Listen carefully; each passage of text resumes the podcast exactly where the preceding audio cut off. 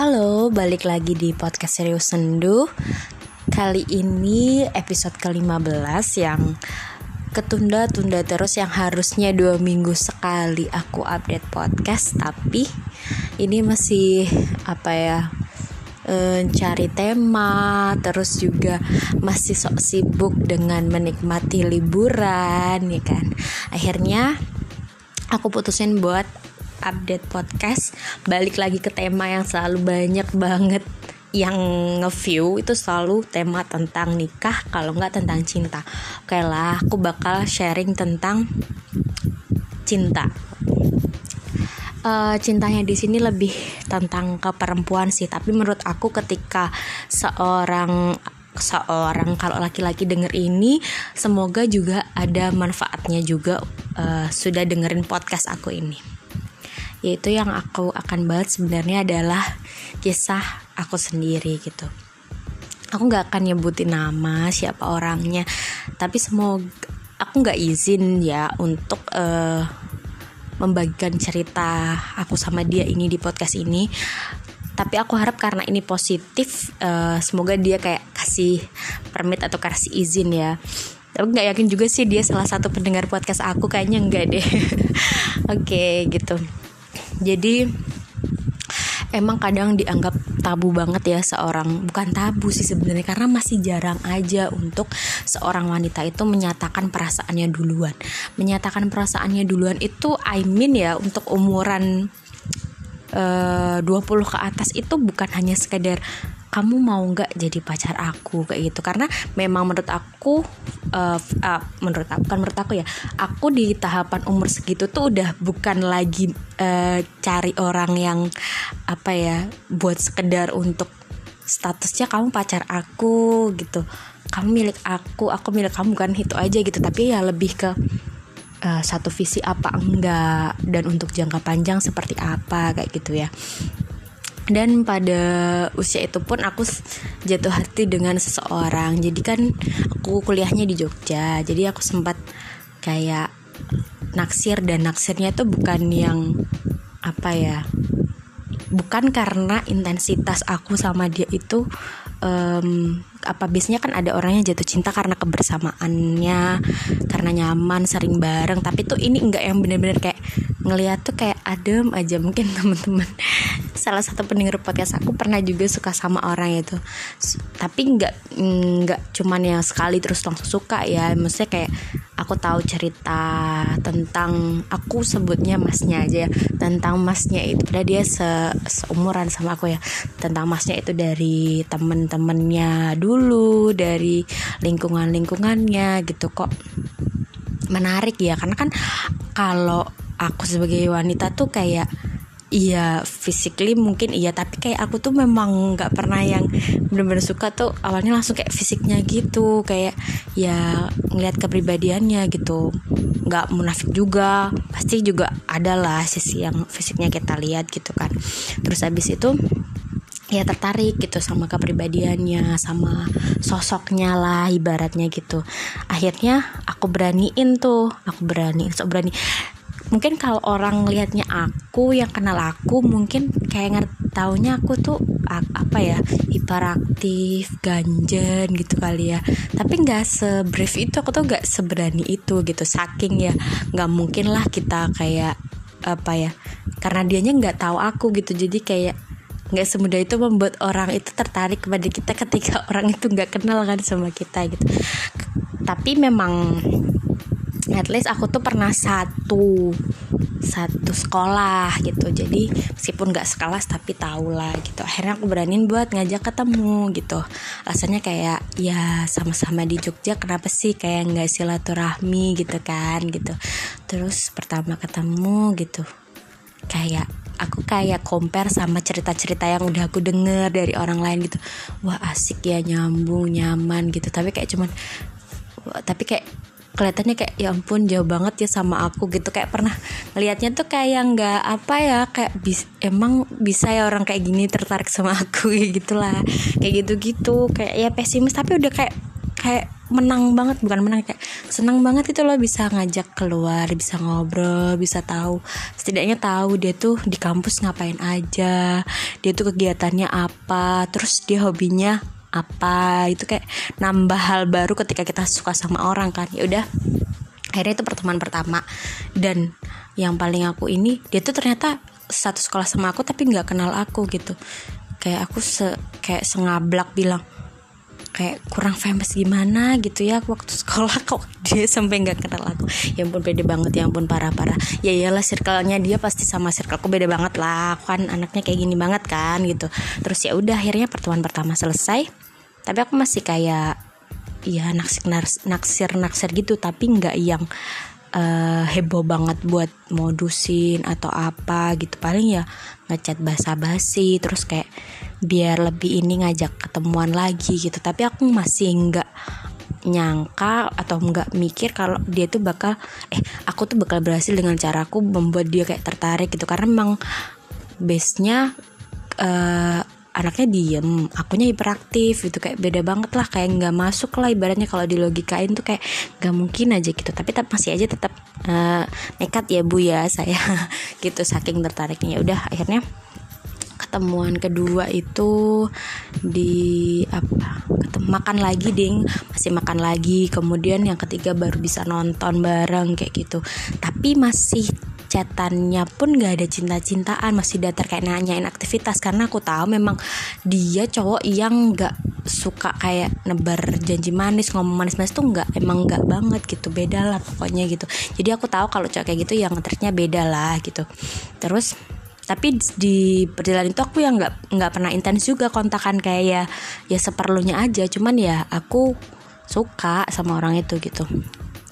Sampai aku mau lulus gitu kayak nggak ada pernyataan apa apa aku juga nggak nyatain kalau aku suka sama dia dia juga nggak ada nyatain suka sama aku gitu. Sampai suatu ketika waktu aku mau kompre gitu dia juga nggak bisa datang kayak duh berasa nggak spesial gitu loh. Bukan ngerasa nggak spesial kayak ngerasa wah ini aja kompre yang hari istimewa dia kayak nggak sempetin datang.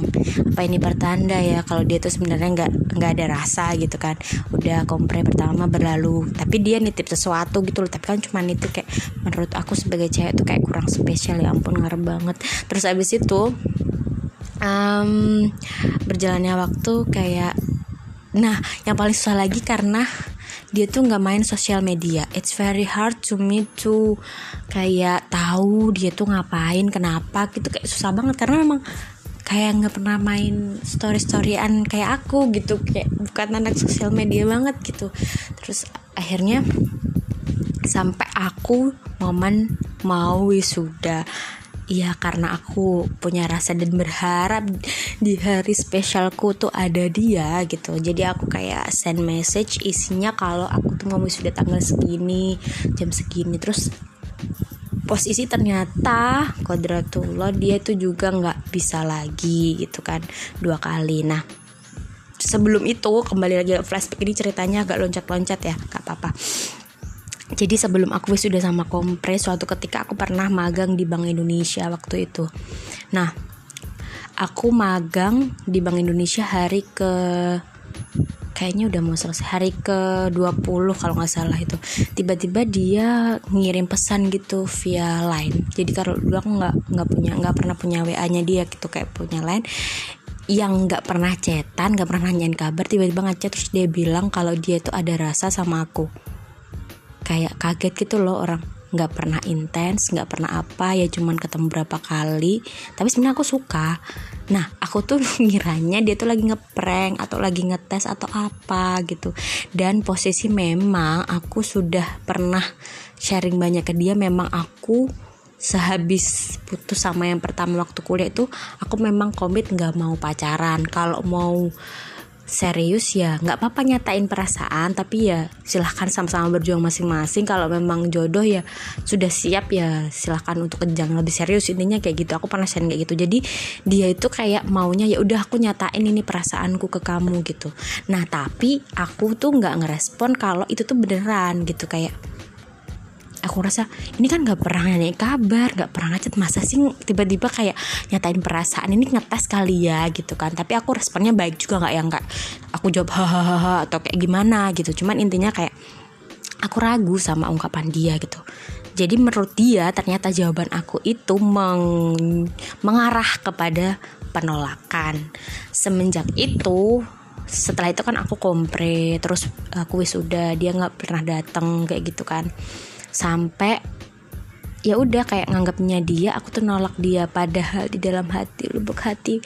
Pengen banget kayak karena aku aku tuh kayak sudah nge-sense maksudnya sudah mengirimkan apa ya fisikus ketika dulu-dulu ketemu ngobrol sama dia, dia dia tuh harusnya paham kalau aku tuh kayak pengennya kalau memang dia ada rasa ya uh, dia silahkan untuk apa ya ibaratnya udah ada uh, welcome-nya aku dia bisa berjuang gitu. Terus ya udah salah paham sampai aku wisuda.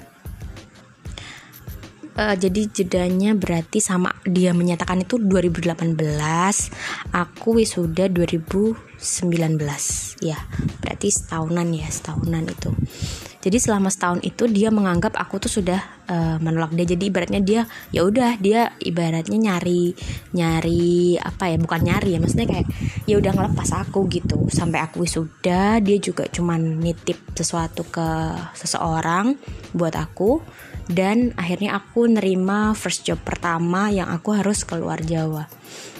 Di situ tuh kayak itu pasti dia belum lulus. Dia kayaknya mau skrip eh, mau sidang skripsi waktu itu. Dia beda kampus kan. Terus hmm, kayak rasanya pengen pamit. Tapi aku kayak ngerasanya gini dianya tuh selama setelah dia nyatain itu kan dia udah nggak pernah lagi kayak nggak pernah nggak pernah makan bareng nggak pernah. Susah lah pokoknya diajak ketemu. Karena karena ternyata perasaan dia tuh dia udah ditolak gitu loh. Terus akhirnya ketika itu aku balik lagi ke Jogja buat pamitan sama teman-temanku dan beberapa orang yang aku rasa deket lah di Jogja gitu. Aku nggak nggak nggak nggak berekspektasi aku bisa pamitan sama dia gitu kan. Tapi ternyata Allah punya rencana lain. Tiba-tiba aku bisa ketemu dia dan pamit secara langsung yaitu di salah satu mall di Jogja. Dan itu pun bukan lewat aku ya. Aku kayak bukan aku yang request buat dia datang waktu aku pamitan itu gitu. Dan di situlah aku baru tahu semuanya karena dia bener-bener kayak nyatain yang di depan. Langsung kan karena 2018 tuh kayak cuman via line ya karena aku kan posisi juga magang dia posisi di Jogja gitu. Terus abis itu kayak dia bilang kan kamu udah nolak aku bla bla bla bla bla.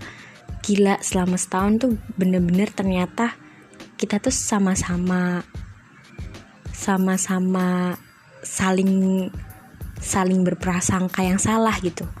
Akunya berprasangka dianya ngejauh dianya berprasangka aku tuh udah menolak. Karena apa? Karena aku juga nggak pernah menyatakan perasaanku balik ke dia gitu. Sampai setahun itu memang aku nggak pernah karena menurutku kayak sinyalnya udah hilang aja gitu. Nah kalau dia perasaannya karena udah ditolak ya udah ngapain lagi dia apa ya ibaratnya ngejar atau apa gitu itu bener-bener momen yang paling di hatiku kayak paling eh uh, gitu ya. Kayak nyesel kayak kenapa sih? Kenapa aku nggak mencoba terbuka sama yang tiap hari kayak cuman nyimpen fotonya di galeri gitu. Yang sebenarnya dia ada rasa aku juga ada rasa kenapa gitu sampai setahun gitu. Itu waktu yang sangat lama yang sangat telat dan merubah segalanya gitu. Kita yang cuman waktu itu ketemu di moto yang saling salah-salahan gitu. Yang kamu kan udah nolak aku. Terus aku ya bilang aja lah kamu selama setahun ke mana gitu? Kenapa nggak ada effort lagi? gitu. Cuman saling salah-salahan dan posisi kayak seminggu lagi aku udah mau berangkat ke luar Jawa gitu. Rasanya udah harus gimana nih? Maksudnya menata hatinya kayak gimana gitu. Kayak dalam hati kenapa sih setahun banget gitu? Harus aku kayak um, tertutup kayak karena memang untuk mengungkapkan perasaan apalagi aku sebagai wanita tuh susah banget gitu. Jadi kamu sebagai lelaki tuh jangan terus 100% berharap cewekmu bisa mengungkapkan perasaan duluan atau kayak gimana karena itu susah gitu loh. Apalagi kalau kamu sinyalnya udah apa apalagi kamu sebagai lelaki kalau sinyal udah dihilangin ya ampun emang kita harus nyari radarnya di mana? gitu. Terus abis itu kayak masih saling salah-salahan sampai ternyata ngobrol percakapan satu malam itu nggak cukup untuk bahas uh, kesalahpahaman kita selama setahun sampai akhirnya dilanjut via WA dan di situ juga terungkap bahwasannya dia itu udah per udah dalam setahun udah nyimpan nomor WA aku dan aku enggak gitu. Kelihatan banget kan aku tuh pasif banget orangnya. Di situ aku malu banget cuman kayak ya udah akhirnya nyimpan terus akhirnya bahas lagi sampai jam 2 malam.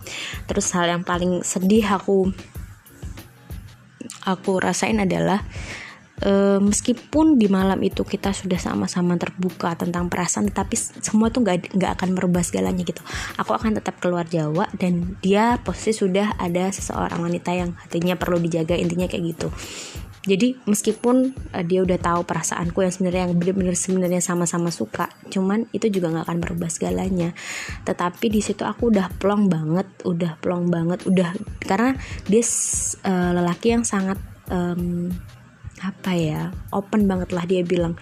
Silahkan kamu ungkapin perasaan kamu selama setahun ya kamu tumpuk dan di situlah aku membuat tulisan seperti koran ya kan. Dan alhamdulillah dia mau baca dan mau uh, apa ya mengerti semua yang aku tuliskan di pesan WA yang sampai panjang lebar kali tinggi itu gitu. Nggak um, tahu ini kisah yang kayak gimana ya gitu. Kayak akhirnya kayak sama-sama harus merelakan kayak harus sama-sama ya udah itu memang kodrat kita memang seperti ini gitu um, kita memang dipertemukan di waktu yang nggak tepat mungkin gitu. Ibarat lagu Stella on Seven tuh kayak lagu yang melewatkanmu gitu.